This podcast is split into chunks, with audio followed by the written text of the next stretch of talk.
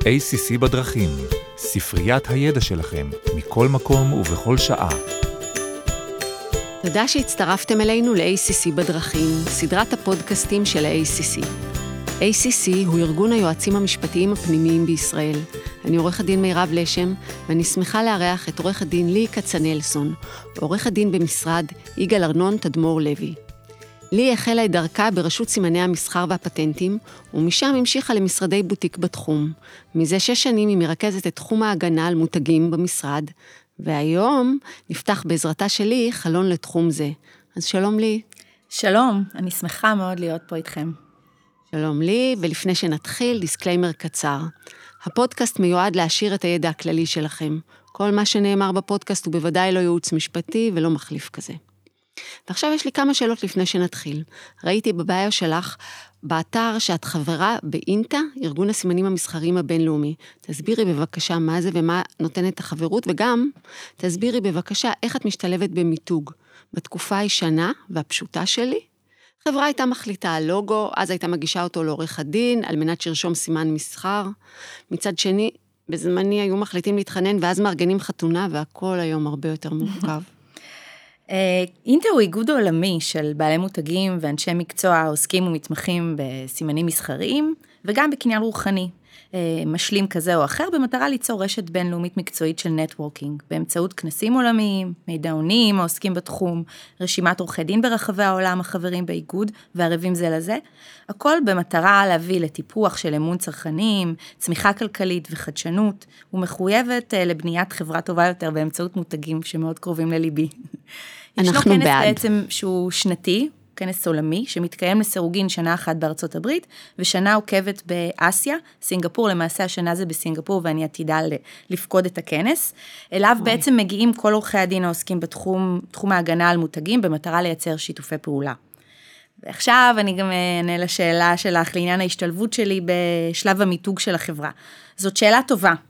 ביום יום אני מלווה הרבה מאוד חברות בכל השלב של מיתוג שירות או מוצר חדש, בין אם חברות קמעונאיות גדולות בתחום המזון, האופנה, הקוסמטיקה, ובין אם חברות הייטק, פארמה, ביוטק, גיימינג, חברות טכנולוגיה כאלה ואחרות, בנקים ובתי השקעות, חברות נדל"ן, אנרגיה וכדומה. זה למעשה כל היופי בתחום הזה שהוא רלוונטי לכל שוק מסחרי באשר הוא. אנחנו למעשה מספקים שירות שהוא מעין ייעוץ אסטרטגי משפטי בבחירת שם ומותג לשירות, מוצר חדש, לפני שהוא יוצא לשוק ופוגש את הצרכן. אנחנו עובדים בצמוד ליועצים משפטיים בחברות רבות, וכן בצמוד גם אה, למחלקות שיווקיות שהן שונות בחברות, ומנסות ביחד בעצם לחשוב כיצד להגן על, משפטית על המותג, לפני שהחברה יוצאת באיזשהו קמפיין מסחרי, שיווקי, באופן שמצד אחד לא יחשוף את החברה לטענות או תביעות מול צדדים שלישיים, ומצד שני בעצם יאפשר לחברה להגן על המותג שבכוונתה לבנות ולבסס באופן בטוח, נקי ושקט תעשייתית. קודם כל זה ממש מגניב, כי את מכירה חברות מכל התחומים, ובחלק הכי מרתק שלהם, אני חושבת. ממש כך. אה, גם לפעמים אני פוגשת אותם בחלקים קצת טראגיים, שהם צריכים לעשות מיתוג מחדש, אבל, אה, אבל גם זה חלק מרתק לכשעצמו. אנחנו נגיע לזה, למה נכון. צריכות לעשות מיתוג מחדש. נכון. כן. אה, רגע, אבל תגידי, למה בעצם שקמפיין יחשוף את החברות לתביעות? יכול להיות בעצם שהשם שבו אותן חברות אה, עושות שימוש, הוא לא, לא היה פנוי מלכתחילה, ומישהו כבר עשה בו שימוש קודם לכן, או בעצם הגיש בקשה לרישום סימן מסחר שהיא תלויה ועומדת, או למעשה שכבר נרשמה כסימן מסחר, אה, וזה היה במטרה בעצם לקבל את, ה, את השם הזה באופן בלעדי. במקרה שכזה, אם תצאי בקמפיין, אז מי שיש לו בעלות קודמת לך, סימן שהוא דומה או זהה, הוא יכול למעשה לתבוע אותך בגין הפרה של הזכויות שלו בסימן המסחר. ואז אחרי שהשקעת כל כך הרבה כסף בקמפיין ובמיתוג, את עשויה לחטוף תביעה. אני יכולה לבדוק את זה לבד, או לשלוח אה, מישהו מטעמי לבדוק אה, אם יש במאגר סימן קיים, או שהגישו פנייה לרשם? את יכולה, ובאמת יש חברות שעושות עושות את זה עצמאית, גם אנשים פרטיים, אבל בשיא הכנות, ושוב, לא בגלל שחסרה לי עבודה חלילה, הניסיון שלי מלמד שעדיף להתייעץ משפטית, ולא רק שיווקית, כי בבחירת שם ומיתוג לשירות מוצר חדש של חברה, יש הרבה אספקטים משפטיים בנוסף לכל. למה בעצם, כאילו, אם את יכולה להרחיב, להסביר למה זה חשוב, ואני אגיד עוד פעם, הרבה פעמים יש פה, אה, המסקנה בפודקאסט, אנחנו הרי נותנים בעצם כלים משפטיים, אבל המסקנה שלנו היא הרבה פעמים ליועצים המשפטיים, בביטוח, בכל מיני תחומים, תיקחו ייעוץ. עכשיו, אני רוצה להסביר למה, כי זאת, בעניין הזה של אה, סימנים, הנטייה היא, בוא, אני יכול לבדוק את זה לבד, מה, מה הסיפור? נכון, אז באמת, אה, לא כל סימן שאני אחשוב עליו, כמה שהוא יהיה יצירתי, אה, ובאמת משהו שלטעמי התאהבתי בו כיוון שהוא משהו מיוחד במיוחד. אה, לא כל סימן כזה הוא כשיר לקבל הגנה כסימן מסחר, ויהיה ניתן לאכוף פה זכויות מכוח דיני סימני מסחר. יש סימנים למשל שהם כאלה שהם גנריים, הם תיאוריים, שלפי פקודת סימני המסחר בישראל הם לא יהיו ראויים להגנה. יש ניואנסים מהסוג הזה למשל, יודעים רק משפטנים, ובתחום הספציפי הזה, לא כל איש שיווק לצורך העניין, או נציג בכיר של חברה, הוא מודע לאספקטים האלה, אה, ולכן חשוב להיעזר במשפטנים שמתמחים בתחום. את יכולה להסביר על הגנרי, דמיוני, ככה להרחיב? סימן מסחר דמיוני, הוא, או שרירותי לצורך העניין, הוא סימן שהוא לא מתאר או מבטא אה, את אופי המוצר או מרמז עליו. אה, לצורך העניין ריבוק או נייק הם סימנים דמיוניים.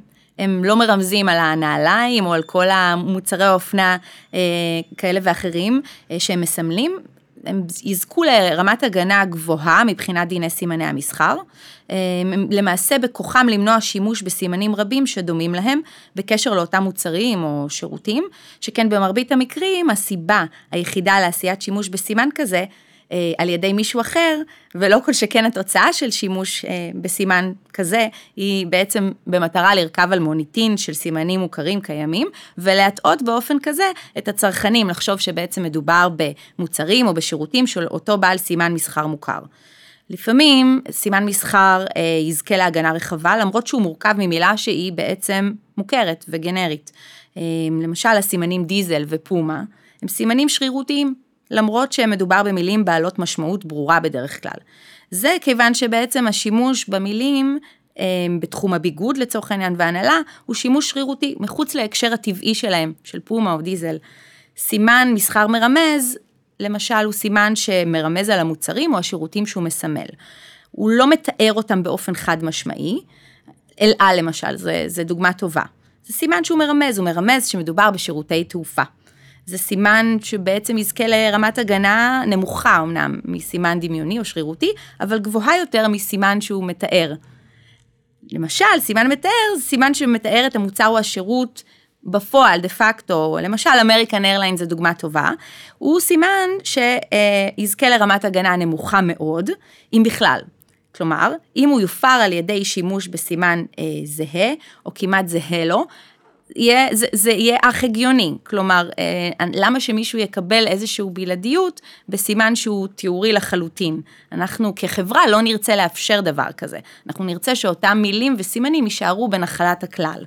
בעצם פומה ודיזל, אם את אומרת אותם, בתור דוגמאות, אם את מציינת, זה דוגמאות שקיבלו משמעות משנית, נכון? נכון, נכון מאוד. אני זוכרת שהיה לנו בזמנו, אה, בחרנו סימנים שהם לא היה להם, אה, הם לא היו מספיק, אה, לא היה להם, לא, לא הייתה להם הצדקה לרשום עליהם סימן, וחיכינו שנה כדי שהם יקבלו משמעות, היה לנו סיכון שנה, אבל חיכינו, ואז הייתה לזה את המשמעות המשנית, זה כבר... נכון. זה כמו שפריג'ידר. לאופי מבחין, ככה זה נקרא, הם רוכשים לעצמם אופי מבחין, וכך בעצם יש להם משמעות משנית. פריג'ידר, כן, גם זה דוגמה טובה.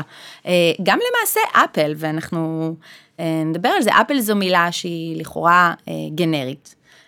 אבל היא זכתה למשמעות משנית בבוא היום, והפכה להיות גם שרירותית בהקשר של מוצרי תוכנה וטכנולוגיה ופיתוח. היום אם תגידי למישהו אה, אפל, אה, מיד אה, יקפוץ לו בהקשר הזה כל, ה, כל המוצרים הרלוונטיים של חברת אפל. זאת אומרת בעצם לחברה תהי גדולה ותהפכי לשרירותית. תרתי משמע. כן. כן.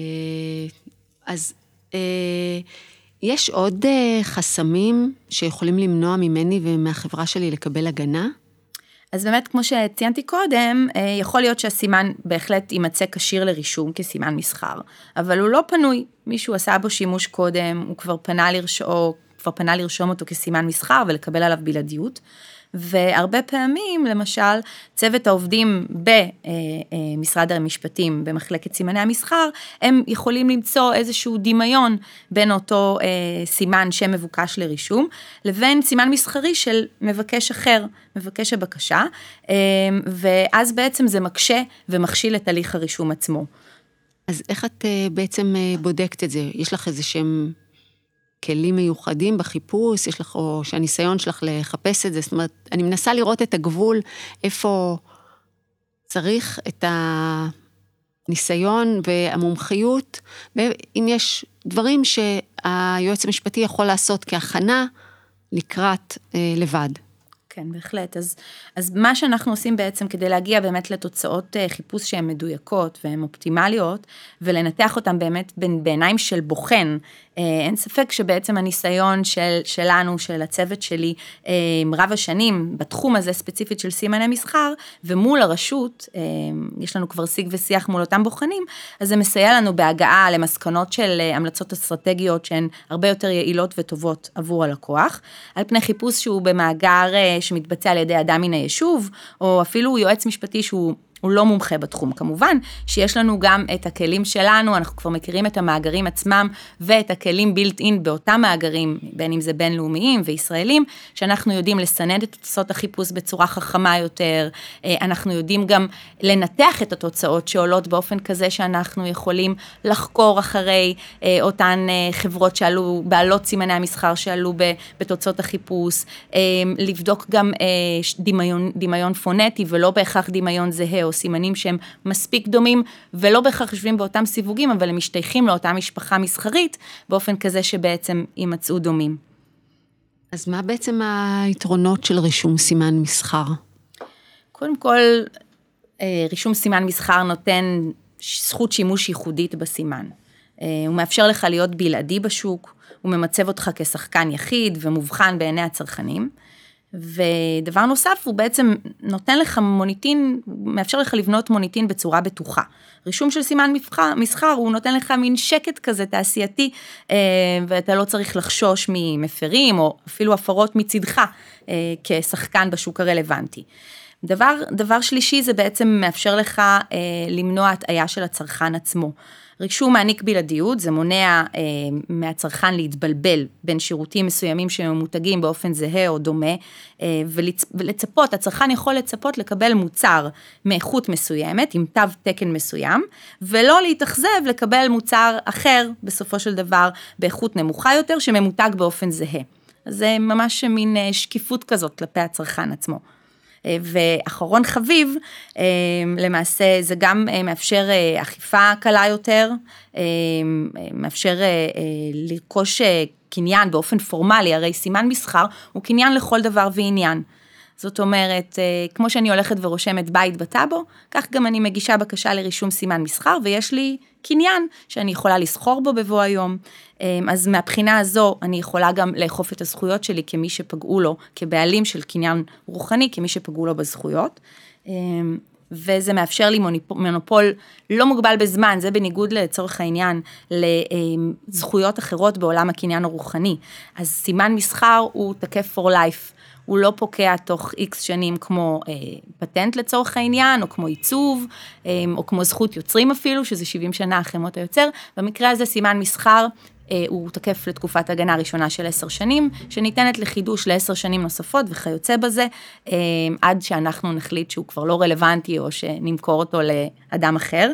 אה, וזה גם, אגב, בהיבט הזה של סטארט-אפים, חברות שהן בעצם, חברות הייטק גם שהפכו מסטארט-אפ לחברות הייטק, זה ממש מעין אות רצינות כלפי משקיעים. משקיעים, חלקם רואים בזה ממש עניין של דרישת סף, זאת אומרת בלעדיו אין, וחלקם אה, יראו לא, לא בעין יפה את העובדה שאין לנו, לא בחרנו להגן על סימן המסחר שלנו.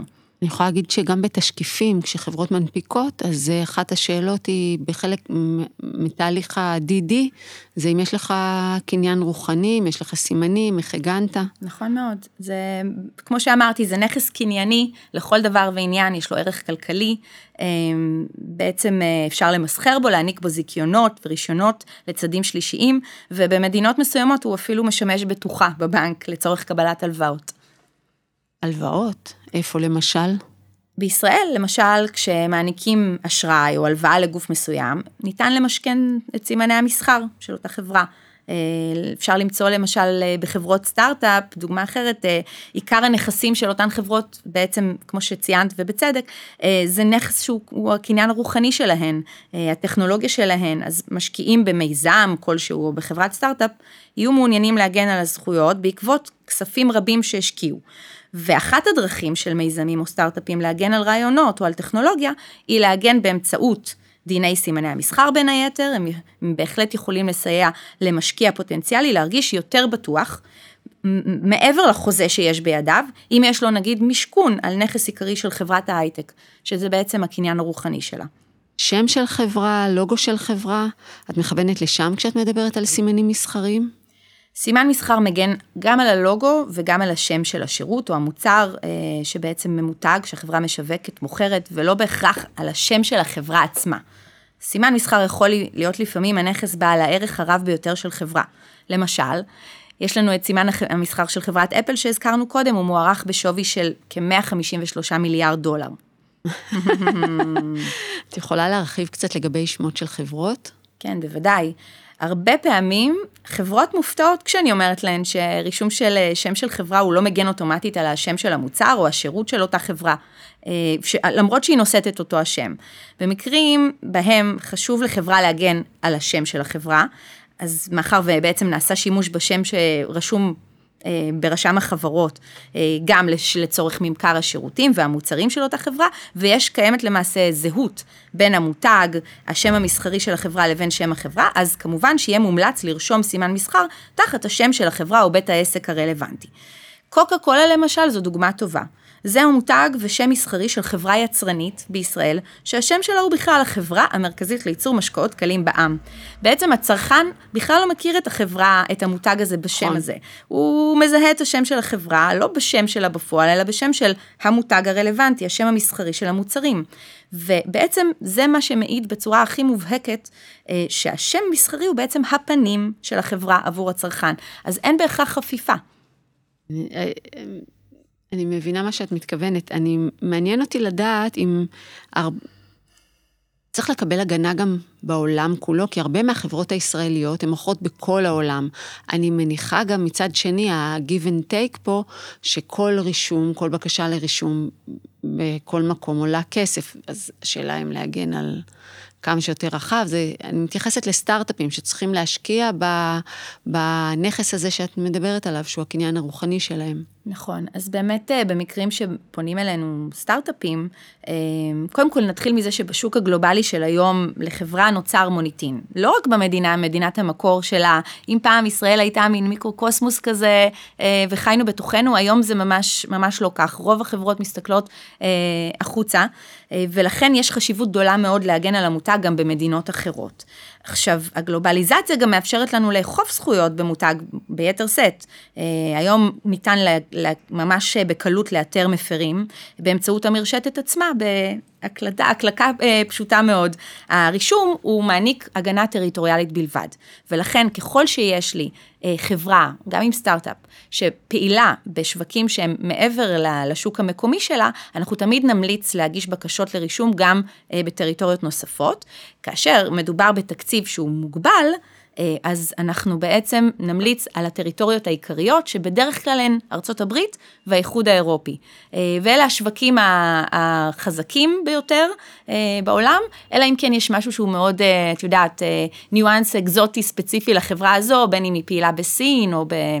אבל הפרוטוקול מדריד, שאליו הצטרפה ישראל לפני כמה שנים, בעצם ממש הקל את התהליך, הוא פישט אותו מאוד אה, עבור אה, אה, לקוחות וחברות ישראליות. אנחנו היום, כמבקשים ישראלים, יכולים להגיש בקשה לרישום סימן בינלאומי ביותר מ-100 מדינות בעולם.